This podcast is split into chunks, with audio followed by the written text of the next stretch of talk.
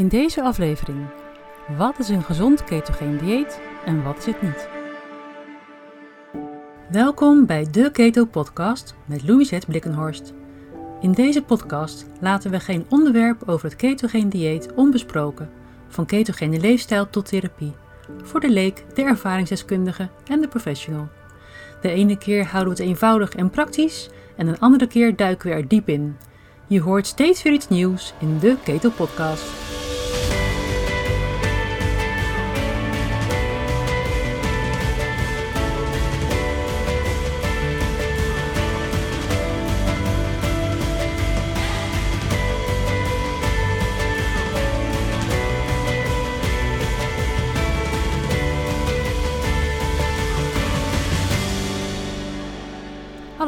Tof dat je weer luistert. In de vorige aflevering noemde ik drie redenen waarom je een ketogeen dieet zou kunnen gaan volgen. En dit keer gaan we het hebben over wat is een ketogeen dieet eigenlijk en wat is een gezond ketogeen dieet en vooral wat is het niet. Ik gebruik wat jargon of woorden die je niet meteen zult begrijpen en ik leg ze zoveel mogelijk uit, want ik gebruik het liefst geen al te simpele Jip en Janneke taal, want als ik alle termen telkens moet gaan omschrijven, dan kan ik mezelf niet meer volgen. En begrijp je een woord niet meteen? Blijf dan luisteren, wordt vanzelf helder. En zo niet, stuur me dan een bericht via e-mail of social media. En dan zorg ik dat ik de volgende keer wat beter uitleg. En zo leer je stap voor stap de termen kennen en kunnen we op de juiste manier met elkaar over keto praten. Dus in deze aflevering, wat is een gezond ketogeen dieet en wat is het niet? Nou, om er even in te komen, begin ik met een voorbeeld uit mijn praktijk. Ik heb jarenlang een praktijk gehad als orthomoleculair therapeut en ketogeen therapeut. Er kwamen mensen bij mij voor advies over suppletie, leefstijl en voeding, maar op den duur ging het alleen nog maar over het ketogeen dieet. Als voorbeeld noem ik Carla. Ze had gehoord over een ketogeen dieet en ze wilde graag wat gewicht kwijt en zich wat fitter voelen.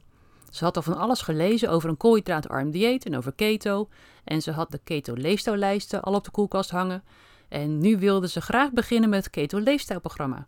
Nou, ze doet de opdrachten en gaat aan de slag met die lijsten.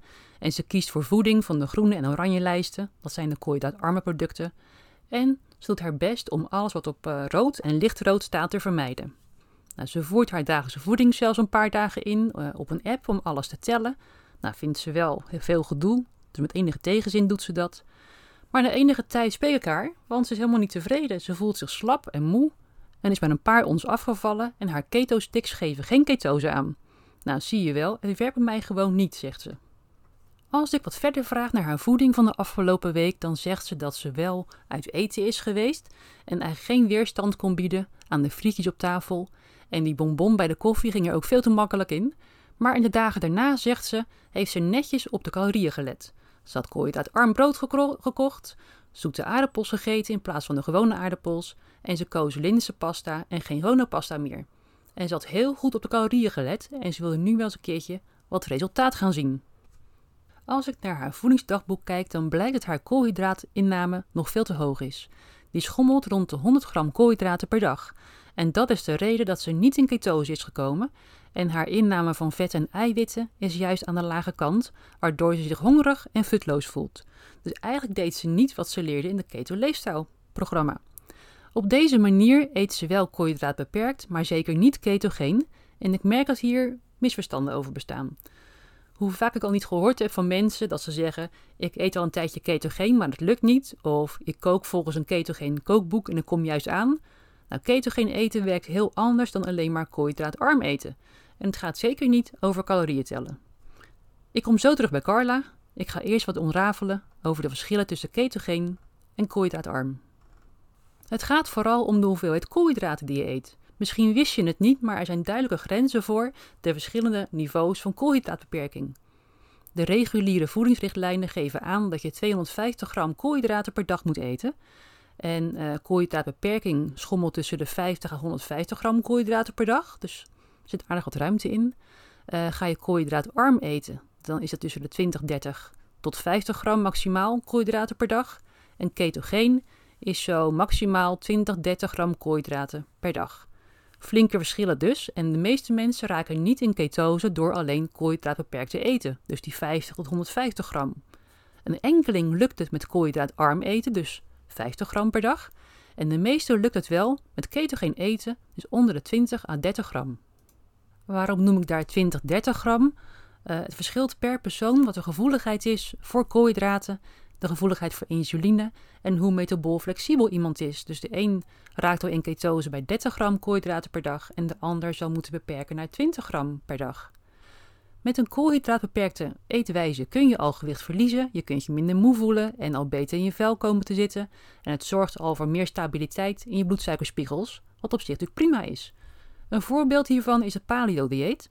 Is ook al een goede manier van koolhydraatbeperking. Je kunt er al heel veel mee bereiken, maar je komt er niet mee in ketose.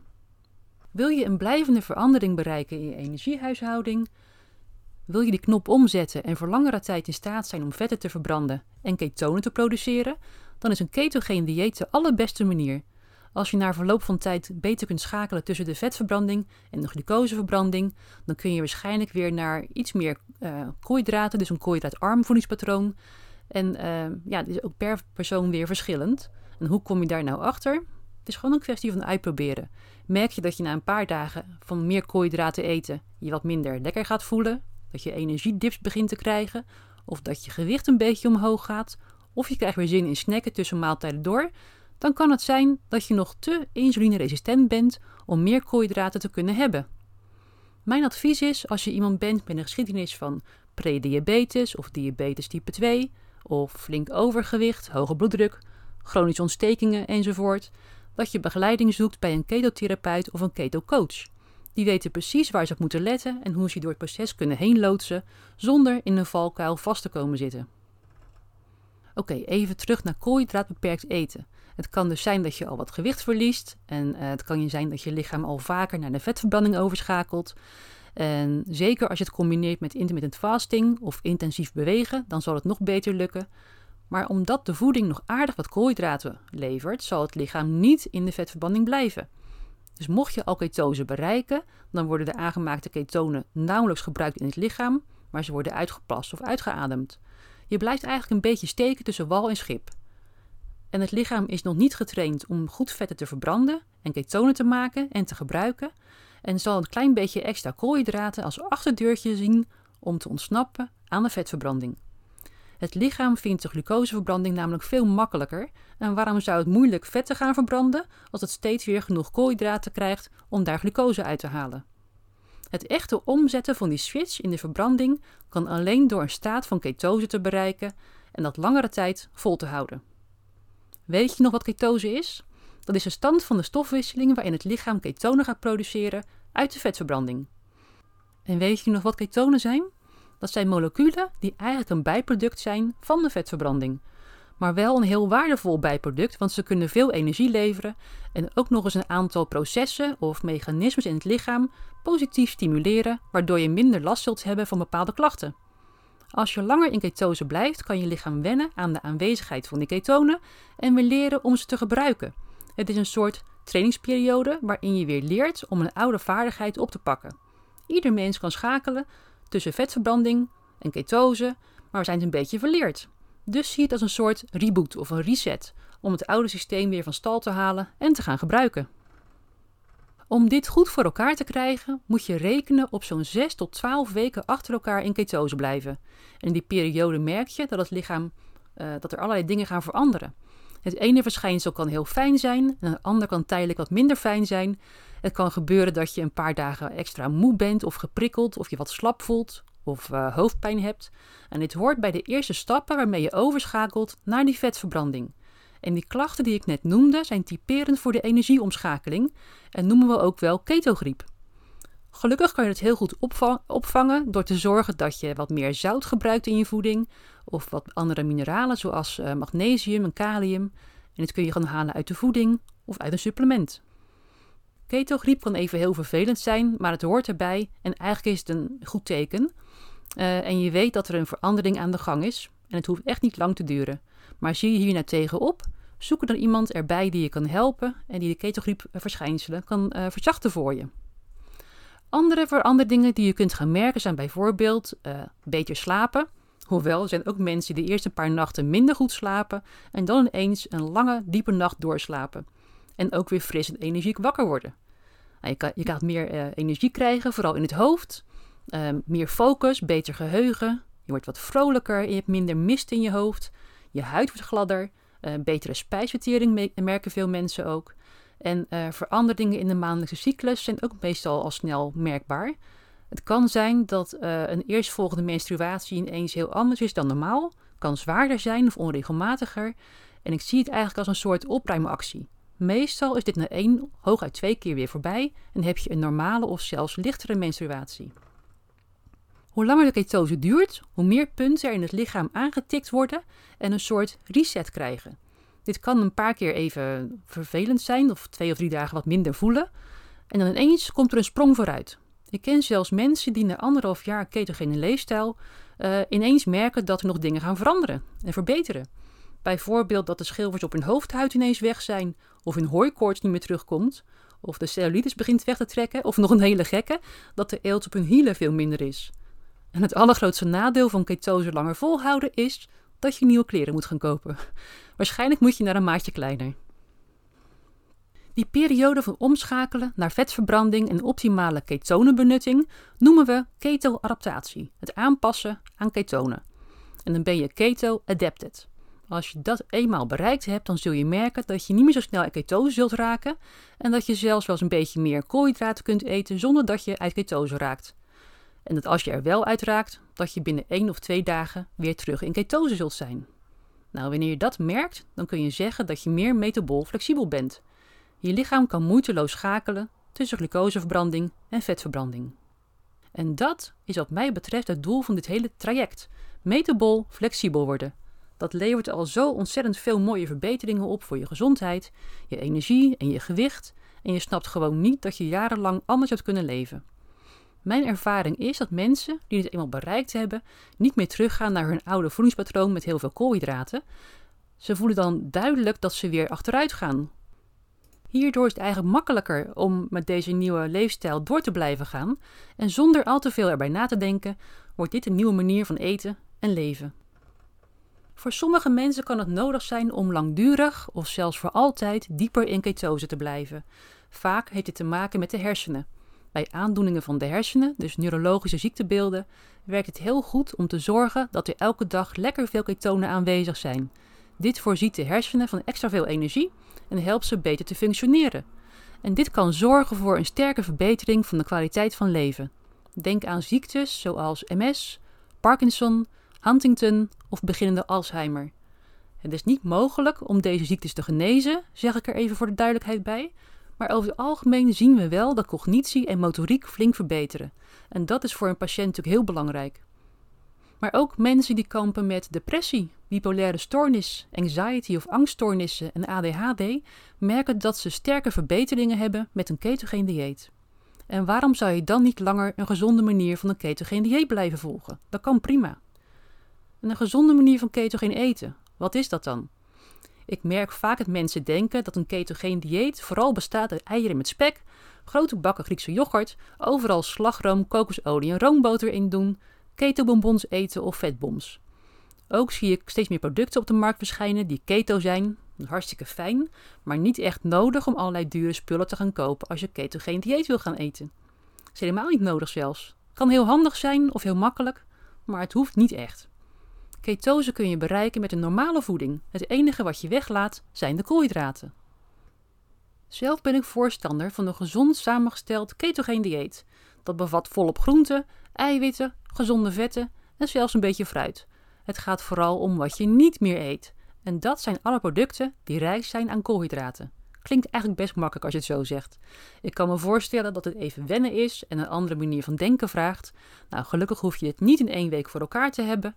Doe het gewoon stap voor stap, rustig aan. Dan kan je lichaam eraan wennen, je hoofd kan eraan wennen en waarschijnlijk heb je ook minder last van de ketogriep. Er bestaan hele handige lijsten waarop je kunt zien wat je wel en niet kunt eten als je ketogeen wilt. Er zijn een aantal boeken op de markt waar ze in staan, maar je kunt ze ook gratis downloaden via de website van ketogenicsinstitute.com. Dan zie je dat de lijsten een kleur hebben. Alles op de groene lijst mag je onbeperkt eten. Alles op de oranje lijst kan je met mate eten en alles op lichtrood en rood komt niet meer op je bord.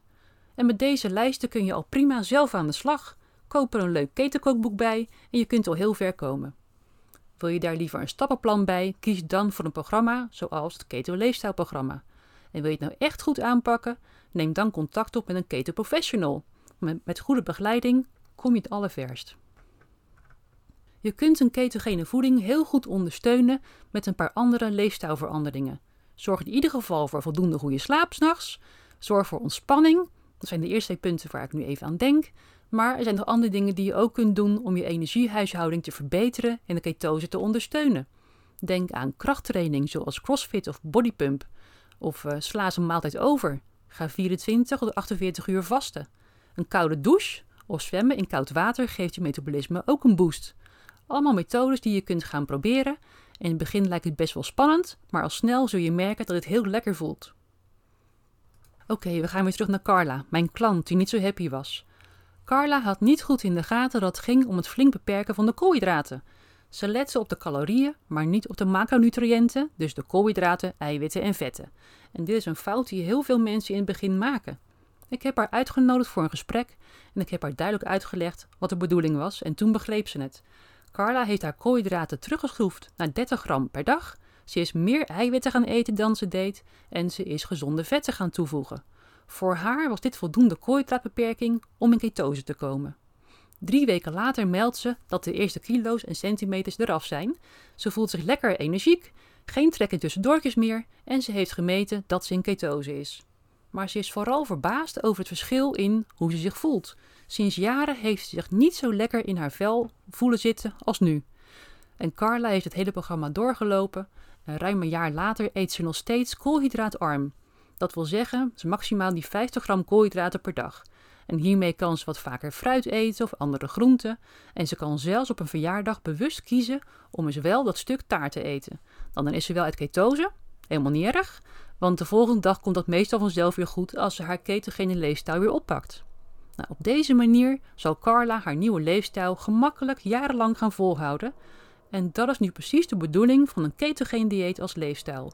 Het overschakelen naar vetverbranding, het lichaam daar een tijdje goed aan laten wennen en dan met meer variatie dit voortzetten als leefstijl. Dit was het voor vandaag. Tof dat je weer geluisterd hebt en tot de volgende keer. Leuk dat je luisterde naar deze aflevering van de Keto Podcast. Ik hoop dat het je heeft geïnspireerd, vragen heeft beantwoord of juist vragen heeft opgeroepen. Heb je vragen of wil je reageren op deze podcast? Stuur dan een e-mail naar info@theketopodcast.nl. De Keto Podcast is ook te vinden op Facebook, Instagram en Twitter. Vind je deze podcast waardevol? Dan zou je me enorm helpen door een mooie review achter te laten en met 5 sterren te waarderen. En wil je geen aflevering meer missen? Abonneer dan. Deze podcast wordt mogelijk gemaakt door Ketogenics Institute. Ketogenics Institute verzorgt cursussen voor gezondheidsprofessionals over ketogene leefstijl en therapie. En voor een ieder die zelf met een ketogene leefstijl wil starten, is er het Keto Leefstijlprogramma. Meer informatie is te vinden op www.ketogenicsinstitute.com. Mijn naam is Louisette Blikkenhorst. Bedankt voor het luisteren en tot de volgende keer.